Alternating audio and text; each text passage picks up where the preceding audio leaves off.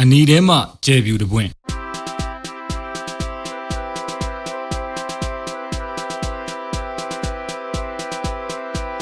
ပြည်သူတွေရွေးကောက်တင်မြှောက်ထားတဲ့အမျိုးသားညီညွတ်ရေးအစိုးရ NUG ဟာ2021ခုနှစ်မေလ9ရက်နေ့မှာပြည်သူ့ကာကွယ်ရေးတပ်မတော် People Defense Force PDF ကိုဖွဲ့စည်းကြောင်းကြေညာပါတယ်။ပြည်သူ့ကာကွယ်ရေးတပ်မတော် PDF ကိုလက်ရှိစေအုပ်စု၏ အကြမ်းဖက်မှုတွေအဆုံးသတ်ဖို့လုံခြုံရေးကဏ္ဍပြုပြင်ပြောင်းလဲဖို့ Federal တပ်မတော်ပေါ်ပေါက်လာဖို့စတဲ့ရည်ရွယ်ချက်တွေနဲ့အတူ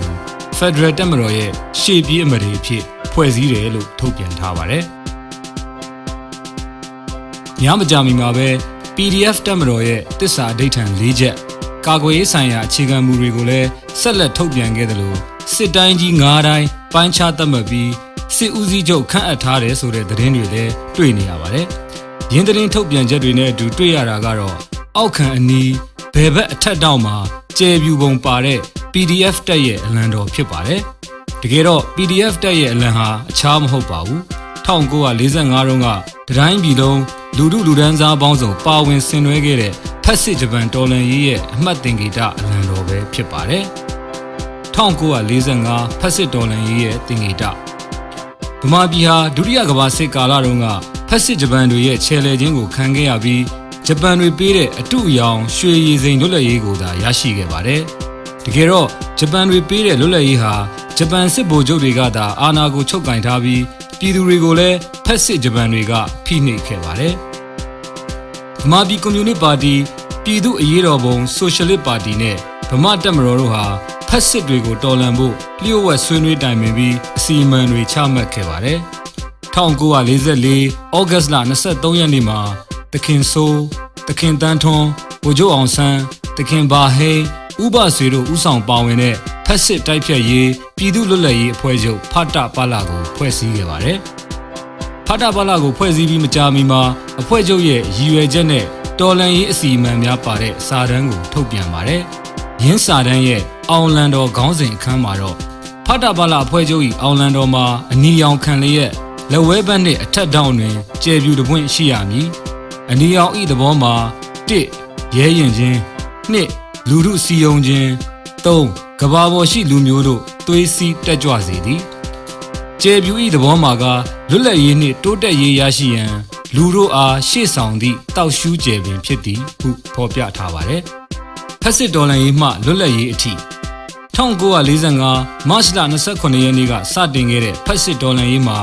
တက်မတော်သားတွေပျောက်ကြားရဲဘော်တွေဟာအောင်လန်တော်တင်ဂီတကိုလက်မောင်းမှာစီးနှောင်ပြီးရင်ဘတ်နဲ့ပခုံးမှာတစိမ့်တင်ပြီးဖက်စစ်တွေကိုတိုက်ထုတ်အောင်မြင်ခဲ့ပါတယ်။ဖက်စစ်တော်လှန်ရေးဟာလူထုတော်လှန်ရေးဖြစ်တာမို့ရင်းအောင်လန်တော်ဟာလူထုတပ်ဦးအလံတော်ဖြစ်ပါတယ်။တော်လှန်ရေးကြီးအပြီး1945ဩဂတ်မှာပြုလုပ်တဲ့နေသူရေညီလာခံကြီးမှာတော့ဖာတာပါလာကိုဖာဆပါလာဖက်စစ်စန့်ကျင်ရေးပြည်သူ့လွတ်မြောက်ရေးလို့အမည်ပြောင်းလဲခဲ့ပြီး တော်လှန်ရေးအောင်လန်တော်ကိုဆက်လက်သုံးစွဲခဲ့ပါတယ်။ဖာဆပါလာဖွဲ့ချုပ်ကြီးရဲ့တင်ဂီတအဖြစ်လွတ်လပ်ရေးရပြီးပါလီမန်ဒီမိုကရေစီခေတ်ကုံဆုံးတဲ့အထိတတ်မှတ်တည်ရှိခဲ့တာပါ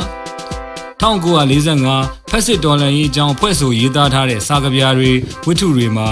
အနီအောင်ကျယ်ပြူပွင့်အလံအကြောင်းကိုတခမ်းတနာရေးဖွဲ့ကြပါတယ်။ရင်းကိုဖက်စစ်တော်လှန်ရေးရဲ့အမှတ်သင်္ကေတအဖြစ်ယနေ့ထိတိုင်လက်ခံနေကြဆဲဖြစ်ပါတယ်။ကြပြဆရာတကုံတာယာရဲ့ 1945ကာလဖက်စစ်တော်လှန်ရေးအကြောင်းဖွဲ့ဆိုထားတဲ့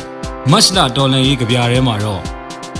ရင့်ကြွေညောင်းသည်ရွဟောင်းစွန့်ပစ်ဘဝတစ်တို့တနစ်ပြောင်းမြည်ဖူးတစ်မိသည်အနီထဲမှကျဲပြူပွင့်လို့ရေးဖွဲ့ထားပါတယ်ဖက်စစ်စေအုပ်စုကိုတော်လှန်မဲ့ PDF ယခုလက်ရှိအာဏာသိမ်းထားတဲ့စေအုပ်စုဟာပြည်သူလူထုအပေါ်ကိုလက်နက်အားကိုပြီး ဖမ်းဆီးမှုတွေနှိပ်စက်မှုတွေတပ်ဖြတ်မှုတွေကိုလက်ရဲစက်ရဲကျူးလွန်နေကြပါတယ်အစွန်းရောက်ဗုဒ္ဓဘာသာနဲ့ဗမာလူမျိုးကြီးဝါဒကိုလက်ကင်ထားပြီးပြည်သူတွေပေါ်အကြမ်းဖက်နေတဲ့စစ်အုပ်စုဟာဒုတိယကမ္ဘာစစ်အတွင်းကကြီးစိုးခဲ့တဲ့နာဇီဟစ်တလာလိုဖက်စစ်စစ်အုပ်စုဖြစ်နေပါပြီ။တမိုင်းရဟဟာတပတ်ပြန်လည်လာလိရှိတာမို့လွန်ခဲ့တဲ့86နှစ်ကပြည်သူတွေပေါ်ဖိနှိပ်ခဲ့တဲ့ဖက်စစ်အုပ်စုကို ပြည်သူစစ်ကြီးအသွင်နဲ့တော်လန်တိုက်ထုတ်နိုင်ခဲ့ကြသလိုအခုလဲ